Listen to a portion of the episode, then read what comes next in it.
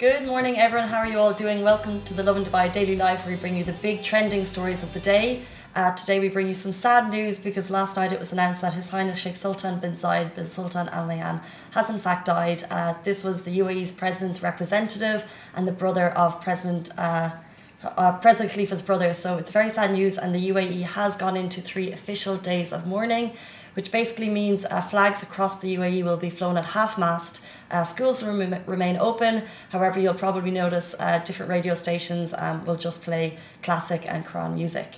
Um, very, very sad news to hear. And obviously, of course, we've seen um, lots of tributes kind of flooding in on social media. His Highness Sheikh Mohammed bin Rashid Al Maktoum, Vice President and Prime Minister of the UAE and ruler of Dubai, uh, he commented a very, very beautiful quote. He said, My uh, deepest condolences to the Al Nahyan family and the people of the UAE on the death of Sheikh Sultan bin Zayed. Zayed's sons have an immortal imprint in the UAE, and hence their love is in the hearts of all Emiratis.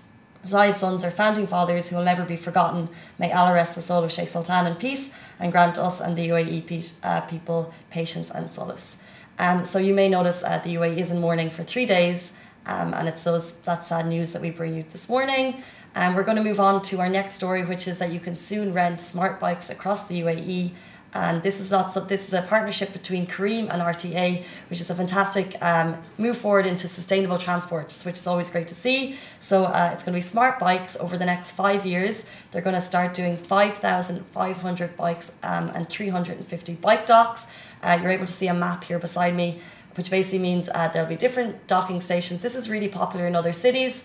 Um, and it's going to be basically mean that you'll be able to uh, cycle through Dubai. So starting in I think Deira there's a spot, Marsa there's a, there will be a spot, um, Al Qudra, and they'll basically become a lot bike friendlier city, which is amazing because I know there's a lot of cyclists here in Dubai cycling in Al Qudra every single weekend or every single morning even, and this is just going to make it a lot more accessible. So shout out to Careem and the Roads and Transport Authority for kind of setting that up. Um, it's going to be rolling out in the next two to five years, so we'll definitely be looking out for that.